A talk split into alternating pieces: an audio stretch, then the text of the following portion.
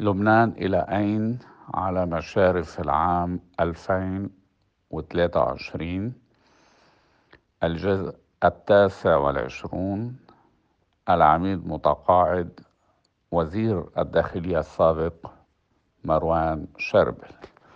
الصديقات والأصدقاء في ملتقى حوار وعطاء بلا حدود الصديقات والأصدقاء المتابعون لنا في لبنان وفي مختلف بلاد الاغتراب تحية وبعد. كل عام وأنتم بخير. أرسل إليكم هذا التسجيل الذي آه، سجلته بتاريخ 31 12 2022 أي في آخر يوم من العام 2022 والذي كان عاما مؤلما ومزعجا جدا ومقلقا جدا لكل اللبنانيين مقيمين ومغتربين. آه، أكانوا في الوطن أو في بلاد الانتشار والاغتراب.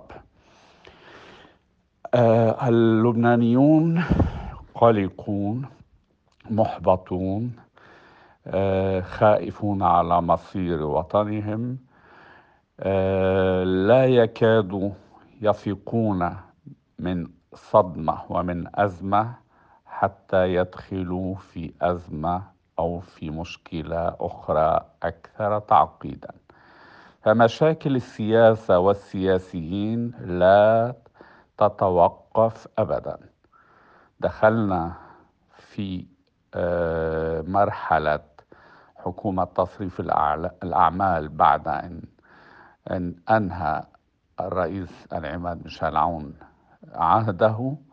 ودخلنا في معمعة وفي آه، صراع أو خلاف أو اختلاف آه، على تفسير الدستور اللبناني حول صلاحيات حكومة تصريف الأعمال وما إذا كانت جلساتها آه، هي جلسات دستورية قانونية وهل هي قادرة فعلا على تسيير أمور البلاد كما يجب ووجد اللبنانيون أن أهل السلطة آه، يحاولون تسجيل النقاط وكأنهم في مباراة كرة قدم. كل واحد أو كل فريق منهم يحاول تسجيل نقاط في مرمى الآخر.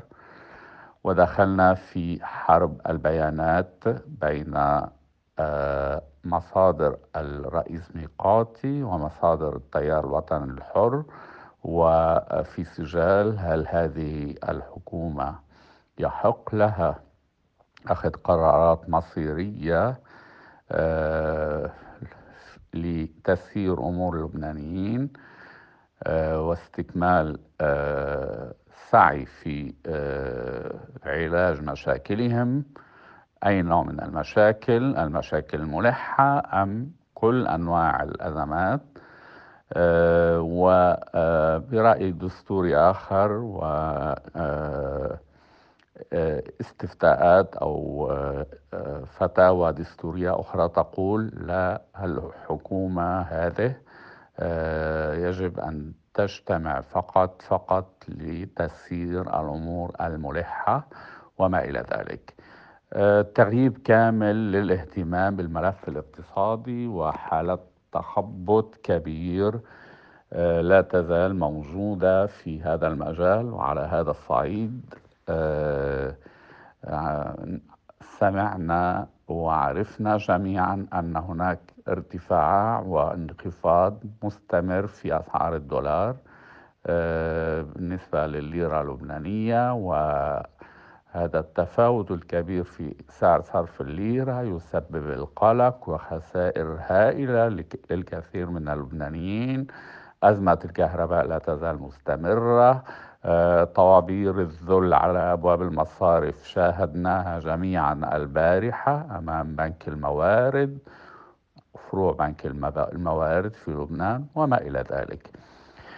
نبقى اليوم مع رأي آه، صديق عزيز جمعتنا به صداقة قديمة زرنا عدة مرات في منزله في الحازمية وكان دائما آه، يتصف بالتواضع وبمحاولته لقراءة شفافة واضحة للأمور آه، لم يخفي أي شيء آه، صارح اللبنانيين في الكثير من المحطات حول صعوبات هذه المرحلة أو تلك أو حول ضبابية هذه المرحلة أو تلك.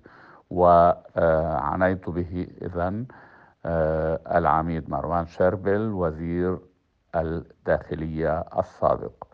آه، وبعكس الصديقات والأصدقاء الآخرين ورغم أنه يشدد على صعوبة آه، انتخاب رئيس جديد للجمهورية في الوضع في الوقت الحاضر لأنه متفائل نسبيا آه، بالنسبة لهذا الاستحقاق ويقول أن النص أو الثلاثة أشهر القادمة من السنة 2023 سوف تشهد بداية حلحلة. بالنسبة له لبعض الملفات وأن آه، الاستحقاق سيأخذ طريقه إلى آه، آه، الخروج إلى آه، العلن وإلى الوصول إلى نتيجة في هذا المجال. وهو يدعو للحوار بين الكتل النيابية الوازنة ويرى أن هناك إمكانيات للحلول إذا بعكس عدد كبير من الصديقات والأصدقاء الذين كنا قد استمعنا لهم ومتفائل نسبيا. أترككم إذا مع مداخلة العميد أروان شربل وإلى اللقاء بمداخلات قادمة. كان معكم دكتور طلال حمود منسق ملتقى حوار وعطاء بلا حدود ورئيس جمعية ودائعنا حق. مشكور دكتور حمود على اهتمامك الدائم ومتابعتك لأحوال البلد على الرغم من أنه أغلب أوقاتك عم بتكون تكون خارج لبنان. آه، هالشيء حقيقة بخلينا نشعر بخلينا نشعر إنه لازم نواكبك بكثير من المحلات ونكون نحن آه، وغيرنا وغير الأشخاص يلي مهتمين كمان معك نكون كلياتنا إيد وحدة لحتى نوصل لإيجاد الحلول المناسبة لهالبلد هيدا إذا قدرنا. أنا اللي بدي أقول لك آه، بالنسبة للمواضيع. أول شيء لسوء الحظ آه، مجلس النواب ما نفذ المادة 73 من الدستور اللي بتفرض عليه إنه ينتخب خلال شهرين من نهاية أو من انتهاء مهلة ولاية الرئيس القديم. هالشي ما عمله بيكون مجلس النواب خالف الدستور وهالشي وما حدا بيقدر يحاسب مجلس النواب على مخالفة الدستور لأنه بالنظام الداخلي لمجلس النواب بيقدر النائب يغيب وبدون ما حدا يحاسبه علما بيقول بالنظام الداخلي بيقول لا يستطيع النائب أن يغيب عن أي جلسة إلا بعذر شرعي. بس ما بيقولوا إذا غاب إذا غاب بدون عزب شرعي شو المحاسبة؟ ما في محاسبة. هذه المشكلة الكبيرة. هلا لحتى نخ... نطلع من هالمخرج اللي وصلونا فيه. يعني صرنا بعد أربعة أشهر ما انتخبنا رئيس. أول شيء لازم لازم يصير في آه، اتفاق بأسرع وقت بوسط الحوار. إذا ما عملوا حوار ما بنكون عملنا شيء لأنه مجلس النواب بتركيبته الحاضرة هي ما حدا بيقدر يأمن ال 86 فيهم يأمروا 65 إذا اتفقوا على اثنين شخصين وبينزلوا آه اثنين اللي بيطلع اللي بياخذ ال 65 وأكثر بيطلع رئيس جمهورية. أنا بتمنى يكون هالطريقة هيدي موجودة. لأنه لا يجوز إنه نسمي رئيس جمهورية وما ننتخب رئيس جمهورية. هذه شغلة كثير مهمة. هلا في عدة أسماء معلنة بتعرفوها على على وسائل الإعلام وفي آه، أسماء غير معلنة. آه، ولكن اسم الوزير سليمان فرنجية هو المعلن هلا المرش يعني المرجح خاصة إذا يعني المرشحينه أكثر شيء. خاصة إذا استطاع حزب الله الوصول إلى تسوية مع التيار الوطني الحر وحتى اللحظة هذا صعب. ما راح أقول مستحيل لأنه بالسياسة ما في شيء مستحيل. هلأ ما في شك إنه بالآخر بأي عمل إصلاحي بيضع الترين على السكة كما يقولون. وأولا بدءا بانتخاب رئيس جمهورية. أما الوصول إلى عتبة الإنقاذ بيلزم إصلاحات عديدة. آه، آه، بدها تكون كلياتها مخبية تحت مظلة التوافق بين الرؤساء الثلاثة. بدءا بالاتفاق مع صندوق النقد وانتهاء بتنفيذ الإصلاحات المنصوص عنها في البيانات السابقة خاصة خطة التعافي. العلاقة بين التيار وحزب الله أنا بتقديري ستتطور بالفصل الأول من السنة القادمة وسيجتمعون اللجان التي حضر يعني جهزت حتى حتى الآن ولدراسة وتطوير التفاهم أو تفاهم مرم خير. هلأ الخلافات اللي كانت حاصلة وبالتحديد بين رئيس جمهورية ورئيس مجلس النواب وكلنا بنعرفها أدت إلى عرقلة وتنفيذ الكبير الكثير من الإصلاحات.